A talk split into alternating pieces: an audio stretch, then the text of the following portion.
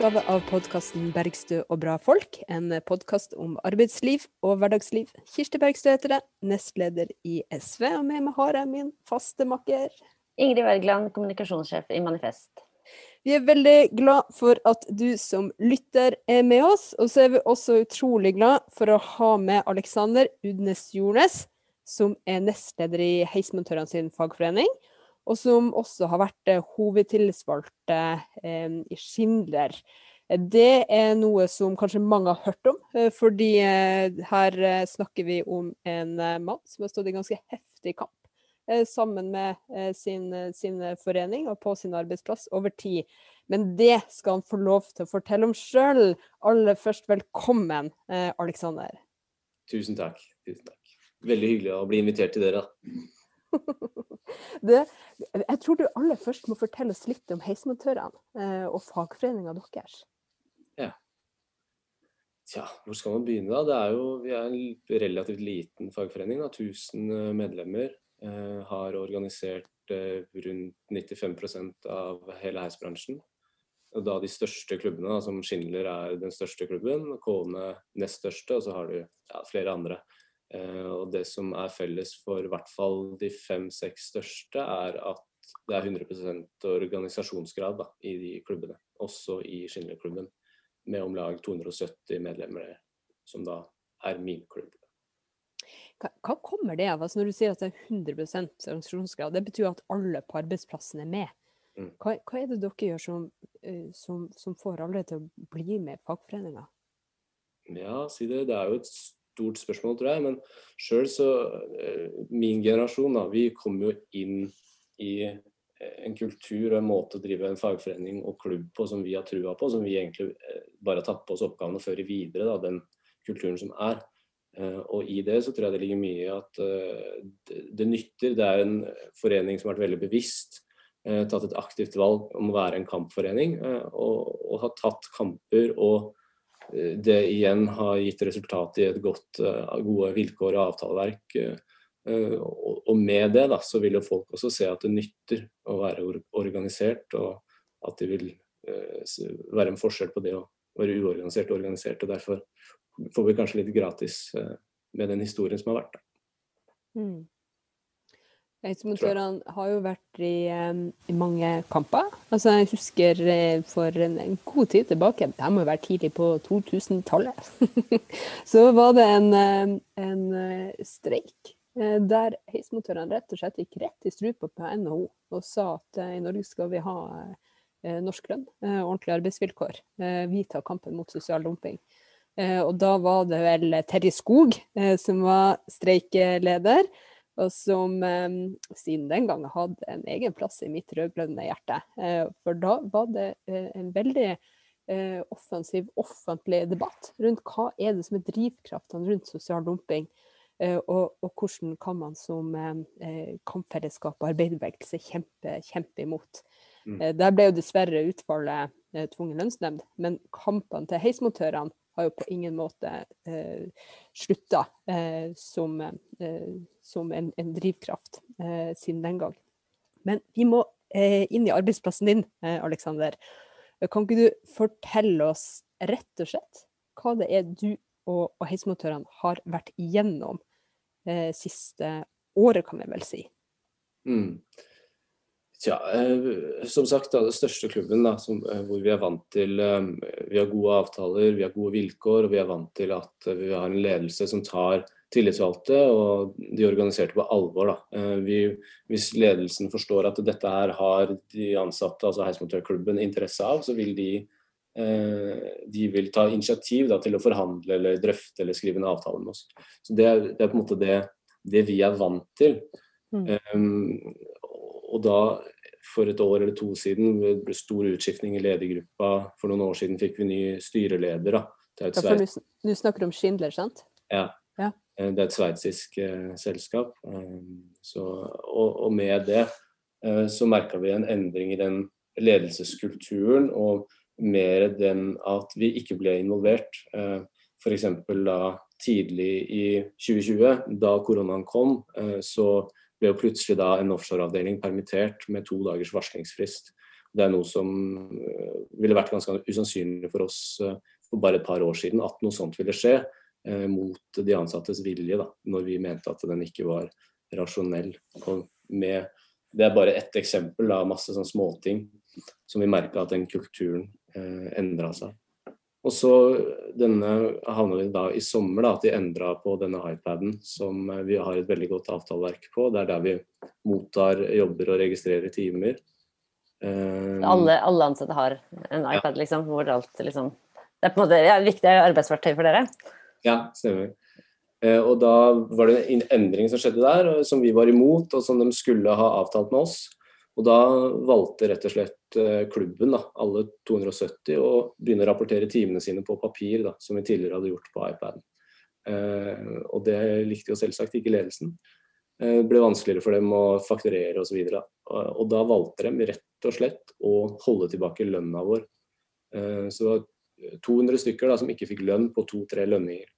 Hæ? Ja, det er jo helt vilt. Helt utrolig. Det går ikke an. Det sa vi også. Og... Men, det jo, men, det er jo, helt Altså, det er jo ikke, altså, det er jo ikke engang lockout, hvor, hvor da, hvor da en, en, bedrift nekter de ansatte å komme på jobb, som jo er på en måte arbeidsgiverens versjon av streik. Men dere gjør jobben, men dere får ikke pengene deres. Mm. Det er tyveri.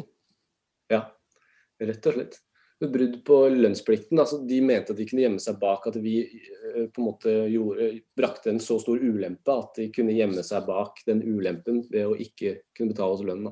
Det viste seg at arbeidsretten var jo ikke enig i det, så den ble jo dømt til at de også uh, førte ulovlig arbeidskamp.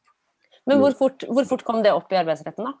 Um, de, jeg fikk telefon på torsdagen fra, hvor vi ble kalt inn med noe, at på onsdag neste uke, eller tirsdag neste uke, så var det arbeidsrett. da. Men det, etter, men det, var da allerede gått et par måneder uten lønn? Mm, da hadde vi gått Ja, vi har 14 dagers lønning, så da hadde vi gått eh, halvannen måned, kanskje. Oh, ja.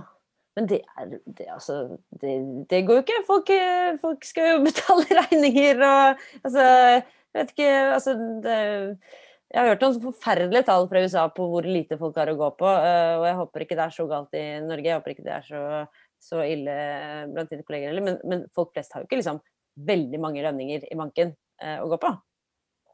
Definitivt ikke. Definitivt. Så, men hvordan løste dere det helt konkret, da? Nei, altså på en side så var vi litt heldige, kan man si, da, at feriepengene også hadde blitt utbetalt på siste lønninga vi fikk. Eh, mm. Men allikevel så Du skal jo ikke basere deg på det. Eh, det skal være bruke til ferien. Men eh, vi har en forening da, som er eh, både pengesterk og som stilte garanti hvis noen hadde behov for det. Men det var svært få som brukte seg av den muligheten der. Da. Men det var jo viktig. Men mm. uansett, to-tre lønninger, og så var det 200 stykker da, som ikke fikk lønn, som allikevel fortsatte stå i det fordi at de mente da at det bedriften hadde gjort, var så på jordet at det, det var verdt det. Og når du sier stå i det, da tenker du at man eh, nekter å bruke denne løsninga på iPaden? Kan, kan, ikke du fortelle oss litt mer om det? Hva var det, eh, hva var det som gjorde at dere eh, ikke ville bruke det systemet som eh, bedriften prøvde å, å, å pålegge dere? Og hva var, eh, hva var, det som gjorde dere urolig eh, med, eh, med det her nye systemet? Ja, det er jo å prøve å si det enkelt og kort. det er ikke så lett, kanskje? Nei, det er ikke det. det, er ikke det. Vi prøver. Det, vi mottar jobben vår. Service er jo det man rutinemessig tar på en heis. Eh, og da, eh, når, vi, når en heis har stoppet og vi må ut og reparere den, så tar de samtidig og kombinerer et besøk, sånn at du samtidig skal utføre servicen. Det er jo noe vi egentlig alltid har gjort, men vi har valgt, valgt det selv. Og vi har skilt på tiden vi har brukt, da, både på servicen og på reparasjon. Nå skal systemet generere det selv, og systemet tar også en, og genererer tiden du har brukt på denne servicen. Det som er essensielt, er at servicen er jo forhåndsbetalt av kundene i mange tilfeller. da, For så og så mange besøk.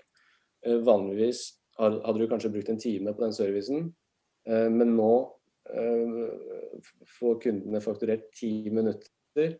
Dermed så blir det da en overlapp da, på de 50 minuttene som nå ble fakturert. da. Så Det var jo noe vi ikke ville være med på. så vi, i, I media så kalte vi det vel dobbeltfakturering og osv. Mm. Og det integriteten til montørene våre eh, ble satt kraftig på prøve. og Det er jo de som står ute og møter vaktmesterne hver dag og har jo ofte tett forhold til kundene sine. Så det er et viktig poeng. for medlemmene. For, for, dere var redd for at man Manette skal fakturere for, for mye for jobben? Mm. Ja. ja. Så egentlig så førte dere en kamp for ikke bare deres yrkesstolthet og, og, arbeid, men også egentlig bedriftens renommé, vil jeg si. Vi syns jo det, vi òg. Ja. Mm. Men uh, hva, kan, Jeg har bare lyst til å hoppe enda et hakk tilbake. Liksom, for Du sa i sted at når, når dere fikk nye, nye eiere og ny ledelse, uh, i hvert fall, så endra kulturen seg. Og at man gikk mm. fra å ha en, en, ja, en ledelse som hadde forståelse for fagforeninga, man hadde en, en, en, grad av samarbeid, til en annen tone. Har du lyst til å beskrive det litt mer for oss? Hva, hva var det som skjedde? Var det sånn at man ikke ble innkalt til, til møter? Var det sånn at man ikke, hvordan virka det inn på medbestemmelse og drøfting konkret på, på arbeidsplassen deres? Ja, um, på mange måter da, vanligvis skulle kanskje blitt innkalt til et møte uh, hvor vi rett og slett skulle forhandle. Uh, og det ble skrevet en avtale. Nå så kunne vi oppleve å bare motta en e-post at uh, nå har vi endra hvordan service er organisert i de, de avdelingene. Så nå skal den bare gjøre det, og den bare gjøre det. Vanligvis hadde det vært en stor prosess, fordi vi er veldig opptatt av det å ha et helt stykke arbeid. Og vi er heismontører, og vi skal ikke bli spesialister. Ah, så det gikk liksom fra medbestemmelse til mer styringsrett? Ja, og til å ja, driften forholdt seg vel til et minimum da, av det å, de må, Når de må drøfte f.eks., gjør de kun når det står i miljøloven eller hovedavtalen at da skal det drøftes. Mens man vanligvis hadde sett at dette har de ansatte interesse av. Dermed så er det lurt av oss å involvere dem og ha et møte og uh, samarbeide om veien videre her. Da. Mm. Så eh, når eh, misnøyen og kritikken mot denne nye teknologiske løsninga kom, så kunne man egentlig hatt helt andre strukturer og måter for å løse det eh, enn enn en sånn eskalerende eh, eh, konflikt som, som, det ble, eh, om man bare hadde hatt et, et annet samarbeidsklima fra, fra ledelsens side, eller invitasjon. Ja, 100% For det som egentlig er litt sånn banalt, er jo at det, løsningen på alt underveis har vært så veldig enkel. Det har jo ikke vært sånn at vi er jo ingen som er imot å utføre sånne kombinerte besøk, men det må på en måte det må være rasjonelt, det må være en faglig vurdering som ligger bak, og det er tiden som blir fakturert, må gjenspeile realiteten osv. Det er på en måte veldig banale, enkel løsning, hele den greia her. Men det viser vel kanskje at det egentlig ikke dreide seg om den ene saken. Det var rett og mm. slett en kamp om makt, viste det seg til syvende og sist. Mm. Men så var dere i arbeidsretten, og dere vant fram. At dette her var det, var det bedriften som var på jordet? Hva skjedde da? Ja, øh, de ble jo dømt til å betale lønn, da. Sykt. Men eh, ja, så vi fikk jo en form for lønn, en dårlig ja, De hadde vært litt eh, snille med utregningene sine. for de, jo, de hadde jo ikke noe beregningsgrunnlag, fordi at de har jo fortsatt ikke behandlet disse papirsedlene våre. Så det ble jo en kamp videre etter dette. At uh, den skulle tvinge alle til å etterregistrere papirsedlene til det elektroniske. Så etter hvert så ble det også uh, sånn tullete greie. Men så vi fikk jo da noen dårlige lønninger. Uh, vi gikk tilbake til å bruke iPaden for at vi ble dømt i arbeidsretten eh, vi også, da. Så vi tok tilbake normalbruk av det. Um, ja, så bare balla det vel rett og slett på seg med enkeltsaker som vi opplevde angrep. Uh, de midlertidig ansatte utenlandske uh, arbeidskamerater fra Skindler-Litauen, uh, hvor de en periode ikke ville betale diett. Så endte det med Det også ble en del medieoppslag, eh, mye demonstrasjoner. endte opp med at de fikk diett underveis.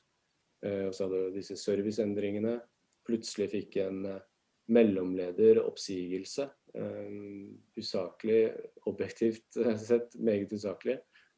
som etter hvert eller som da medførte at vi streiket i to dager montørklubben for tillitsvalgt i FLT, som da er vår egentlig nærmeste leder. Eh, og, altså Forbundet for ledelse og teknikk? Ja. Mm. ja. Og da, det er jo 2. og 3. november, så da var det jo 270 Schindler-montører som streiket i to dager. Jeg og nestlederen min ble kalt inn til drøftelsesmøte på bakgrunn av de to streikedagene der. Da endte det med at etter hvert at han fikk skriftlig advarsel, og jeg fikk avskjed da. Fredag 20.11. klokka tolv kom den. Klokka tre var ikke jeg lenger ansatt i Schindler, da, som jeg har vært siden 2007. Og det var på bakgrunn av at jeg var tillitsvalgt og sto i bresjen med mine medlemmer fordi vi markerte oss mot behandlingen av en annen tillitsvalgt. Rett og slett. Da kjører man råmaktskamp når mm. man prøver å avskjedige tillitsvalgte på det viset der. Mm. Men en del plasser så vet vi jo at, at arbeidsgiver vinner frem med en sånn linje. Eh, og at folk blir redde og mister motet. Eh, og at eh, ja, kampfellesskapet på arbeidsplassen smuldrer opp. Det er ganske krevende. Så, og det må være utrolig tøft for deg å få den beskjeden om at du i løpet av tre timer ikke har jobb. Men hva skjedde da? Men, men jeg må bare skyte inn en ting også. Det er jo noe som heter oppsigelsestid. Det pleier å være litt lenger enn tre timer? Skulle tro det. Dette, dette var en avskjed. De mente at da jeg som tillitsvalgt da, ikke har brukt all min makt på å stoppe eh, medlemmene fra å markere seg i to dager, eh, så kan de avskjedige meg. Mm. Men, men, det er jo ikke altså, det, er jo ikke, det er jo ikke USA, liksom. Sjefen din er ikke Donald Trump. Det er ikke den derre you're fired-opplegg. Nei. Det er jo ikke det. Nei, det skal jo ikke være det. Skulle man tro. Altså, hva gjorde du da, da? Nei, altså Medlemmene aksepterte jo ikke det her, da. Eh, så jeg, men allikevel hadde jo like mye avskjed, så bedriften ville jo ikke forholde seg til meg. Eh, den forholdt seg nå til min eh, nestleder, men kampen fortsatte som før, på en måte. Det ble en markering av at jeg fikk avskjed også. Og så forholdt medlemmene seg til meg som tillitsvalgt da, i hele den tida. Og gjør vel nesten fortsatt. Ja, for dem har jo aldri avskjediga deg. De har jo valgt deg. Mm. Det er det som var beskjeden fra dem. Da. Det er jo de som velger sine tillitsvalgte, ikke bedriften. Så det var jo stort. Eh, og eh, veldig mange ville vel kanskje Eller det er jo et stort press, både personlig, men også for alle medlemmene, å stå i noe sånt og få så mye medieoppmerksomhet. og Eh, det er arbeidsplassen til alle disse, som har, flere har jobba her i 30-40, noen kanskje 50 år, eh, som ser alt det her skje med sin arbeidsplass. Så det har jo vært eh, ekstremt tøffe tak. Men grunnen til at det er mulig å stå i det, er jo fordi at vi har, vi har Heismotørenes fagforening, vi har den kulturen, vi har, vi har den innarbeida det innarbeida samholdet som er med i bånn, og som alle allerede fra de er lærlinger, da, er på lærlingsamlingen to ganger i året, eh, lærer om og på en måte forstår viktigheten av. Og det fikk vi nå i praksis vist. Alt det vi har snakka om, alle de kursene, alle de klubbmøtene, alt som ja, all den tida vi bruker på dette her, da, kulminerer da i eh, disse åtte månedene og det vi nå har oppnådd. Da. Som det er at den tillitsvalgte fra FLT har fått jobben tilbake. Jeg har fått jobben tilbake. Det vi var uenige om og havna i arbeidsretten om, eh, er vi enige om at eh, skal bli sånn som vi mente. Eh, vi har en god avtale på innleia som, sånn at våre utenlandske arbeidskamerater er her på gode vilkår og ja, osv. Så, videre. så det nytter, da, for å si det pent. Men mm. det koster. Og det er mye som må ligge til grunn for å kunne klare å stå i det. For det er klart at når du mistet jobben eh, som tillitsvalgt etter å ha stått i bresjen for den kampen, så er det klart at hvis ikke måte, Hvis det hadde krakelert, da eh, hvis, eh, hvis, alle eh, dine kollegaer hadde på en måte mista motet og sånn altså, hvem er det som skal ta på seg tillitsvalgtrøya neste gang, da? Det, jo, det, vil jo være en helt umulig eh, ting å motivere for, da. Ja, ja det, altså, sånn sett så var det jo avgjørende. Det var avgjørende for det er jo avgjørende for vår forening òg, at man ikke Man kan ikke leve videre med en tillitsvalgt som har fått avskjed fordi han er tillitsvalgt. Det er ikke bare foreningen, men kanskje hele det organiserte arbeidslivet ville lidd under noe sånt. Mm. Det er jo flere som opplever det òg. Det har jo han som jeg har glemt navnet på, som har vel opplevd det, som er i media nå om dagen også. Jeg har glemt navnet. Mm. Men, men, du, men når, når, du nå oppsummerte på en måte at det, det nytter og deres, deres seier osv., så, videre, så er det jo, nå har det, gått, nå har det bare gått eh, ikke to uker engang siden, siden du fikk jobben tilbake. Mm. Um, er, det, er, det, er, det, så, er, det, så lett?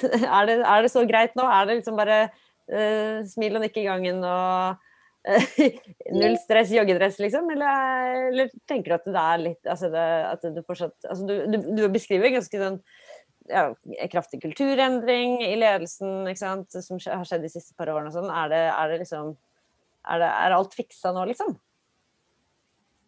Nei, altså det er jo, det er jo tillitsbrudd som har vært. Eh, og det må jo det må motbevises. Men det, var, det var et sentralt tema i forhandlingene vi hadde uh, nå i ja, februar, var det vel kanskje. Eh, hvor, eh, hvor, vi er enige om da, og har trua på at den, delvis framtiden og måten å jobbe sammen på nå har på en måte, Vi har fundamentert det på nytt og må prøve å eh, bringe det samarbeidet tilbake til sånn som vi hadde det. da, Som egentlig er en suksessfaktor. Eh, du har eh, høy produktivitet og glade medarbeidere. Det er ingenting som er bedre enn det. Det er jo veldig fine sitater eh, fra, fra ledelsen Schindler i, i, eh, den saken jeg leste, i hvert fall, eh, hvor du var intervjua på Frifagbevegelse om at du har fått jobben tilbake. Altså, mye, mye, mye gode ord der om, om, et godt samarbeid med klubb og sånn. Sånn mm. at, sånn at det er jo Kan man si kanskje at dere rett og slett har fått til en en skikkelig runde med voksenopplæring på, på, på hvordan, hvordan det skal gjøres? Ja, vi håper jo det. Vi håper jo det. Og, og det, er jo den, det som du sier de har sagt i media også, som også var kanskje det viktigste ut fra de forhandlingene, og som vi også brukte mye tid på. at Én ting er jo forhandlingsresultatet, men en annen ting er jo hvordan det skal være å jobbe i den bedriften her i framtida. Um, mm. Det er det som er det viktige. Definitivt. Så, ja. Det er, jo, eh, det er jo på mange måter sånn eh, altså, Den norske modellen er jo eh, av og til omtalt i festtaler, noen ganger som en eksportartikkel, men vi på venstresida forholder oss til den som, som eh, ja, en modell for arbeidslivet som, som har noen historiske betingelser, da, med organisert arbeidskraft eh, som, som, har vunnet terreng. og, og ja, en, sosial forståelse i, i bunn. Men det er jo på en måte eh, sånn den norske modellen, om vi kan, kan si det sånn, eh, gradvis uthules også. Ved at man får inn nye eiere, man får inn utenlandske selskap. Man får, prøver å endre kulturen på arbeidsplassen gradvis. Eh, og medbestemmelse og, og faglighet blir erstatta av en sånn hard HR. Mm. Eh, så, så, på mange måter så har dere jo ikke bare tatt en helt avgjørende kamp for arbeidsplassen og arbeidsforholdene der dere er, men også hele forståelsen av hva er det, hva er det, det norske arbeidslivet skal bestå av. Og det syns jeg er utrolig, utrolig sterkt eh, og utrolig, utrolig eh, viktig å vise at det er mulig. Men du sa i sted, Aleksander, at, dere, at det må liksom være noen forutsetninger som, som ligger der. Eh, og så viser du til hvordan man har lærlingesamlinger, og, og, hvordan dere kommer inn i en kultur når dere blir med i, i, i, i heismontøren sin, sin, fagforening, og også um, hvordan man um, ja, prøver å bygge fellesskap. Kan, kan, du gi oss litt mer innsikt i det? Altså, hvordan gjør man det, da? Fordi veldig mange forbund er opptatt av å verve flere medlemmer og ha kurs for tillitsvalgte og sånn, mens dere har klart å etablere en, et kampfellesskap. Ja, nei, det er som sagt eh, Du har skolering av tillitsvalgte er jo noe som de fleste er veldig flinke på, og som vi også selvfølgelig er opptatt av, som er viktig. Men noe som ofte blir glemt, er jo skolering av medlemmene. som egentlig er Uten medlemmene så har jo ikke tillitsvalgte noe makt, de har ingenting. Eh, så uten opplyste og bevisste medlemmer, så sliter vi. Og det er jo det vi mener at vi har funnet en måte å møte på. Eh, og som vi er veldig opptatt av. og Det begynner allerede da med denne lærlingssamlingen som jeg nevnte, som vi har to ganger i året. Vi samler da stort sett 90-100% oppmøte der, alle lærlingene i Norge. Det er ikke det at det er jo 30-40 stykker, da varierer jo. Eh, men i hvert fall, det er jo de fleste. Og allerede der så er det faglig, men også faglig-politisk eh, innhold. Da. Og den er viktig. Det er noe alle lærlinger har med seg resten av sin måte, karriere i heis. da samholdet begynner allerede der. Og Samme er det jo i klubben, at man har innledere på klubbmøter, man melder på medlemmer i stor skala på forskjellige kurs, i, ja, for, alt fra distrikter til egne kurs i foreningen. Um, vi har denne Heiscupen i Heismontørens fagforening hvert år, hvor vi samles i en ny by i Europa og spiller fotball. Uh, og selvfølgelig en bankett, som kanskje er det viktigste. Fest. Fest er moro. Fest og fotball. Sosialt og tillit til hverandre og det å bli kjent og det, nei, Alt dette her, da, eh, tror jeg danner det grunnlaget. Men også når man har det og tar de kampene man tar, sånn at man, medlemmene også, eller alle, ser at det nytter, så vil det også være lett å tenke hva som er alternativet. Og det er jo tror ikke jeg er noe bedre enn å være organisert hos oss og føre den linja som er ført. da. Altså når du sier at det å skolere ikke bare er, handler om å skolere den tillitsvalgte, men, men, medlemmene generelt, så er det jo noe med at uh, ethvert medlem er en uh, potensiell tillitsvalgt en dag. det er jo noe med det. Det, skal jo, man kan ikke um, så Det finnes mange helter som er tillitsvalgte i store deler av sitt yrkesliv, men, men, det er jo også noe som, som, kan gå litt på rundgang, da. Mm, det er lurt. Det er lurt. Så det er smart. Nei, men det, det her var jo gode råd til, eh, til, eh, som alle kan eh, lytte til. Selv om fotball hørtes veldig gøy ut, da. Ja, det er veldig ja. Jeg husker det, vi, da. Det blir litt stusslig med den nå, da. Ja. Uff, ja. Men neste år, neste år så er Heiscupen i gang. Ja, vi håper det. Mm. Nydelig. Vi um, har et fast, fast uh, spørsmål i, i denne podkasten, Aleksander. Og det er Hva var din første jobb? All right. Da var jeg sommerhjelp for et elektrofirma som jeg har glemt navnet på, og trakk kabel på et parkeringshus på Gardermoen. Oh. Og hata hvert sekund og så på flyene dra, og jeg ville på sommerferie til utlandet mens jeg sto der og jobba. Kabeldrager. Ja. Men før så hadde man jo sånne arbeidssanger eh, når man drev og, og la sånn Jeg har sett et sånn utrolig flott klipp eh, som er gammelt. Eh, jeg vet da fanken hvor jeg så det. Så en, ja, et eller annet på Statskanalen i hvert fall må det ha vært, for det er jo NRK som har ivaretatt sånne klipp. Eh, og der var det folk som drev og sang en sånn arbeidssang mens de drev og eh, dro som kabel. Eh, hvordan var det på samjobben din? Var det sang med kabel? Nei, dessverre. Det var ikke noe synging. det var bare, bare sutring fra deg som ikke fikk reise noe sted? bare lengsel. Lengselen etter sommer mm, og ferie. Men fikk du tjent såpass mye penger at du fikk reist noe sted etterpå, da, eller hvordan var det? Nei, jeg gjorde ikke det, vet du. For da var det jo rett på skolen igjen. Nei, dette var en trist historie. ja, det var det. Hvilken skolegang har du begynt på, da? Nei, da vi har elektro. To år du hadde begynt på, på, elektro? Men det var før læretida? Ja. Uh, ja, stemmer. Ja, nettopp. Så det, det, ble ikke der du kom ut i lære? Nei. Det var sommerferien da, på grunnkurs, som det het. Ja. Og så Mm. var det VK1, og så var det i læra som heismontør etter det. da. Mm. Det, det er ikke verst. Du har både eh, redda den norske modellen og bygd Gardermoen. Jeg syns du har litt av hvert vært stolt av, Alexander. Kan jeg bare si Jeg har bare et siste spørsmål, sånn aller siste spørsmål. For jeg tenker eh, Hvordan er dere jobber i arbeidsdagen? Er dere mye sammen, eller reiser dere mye rundt hver for seg?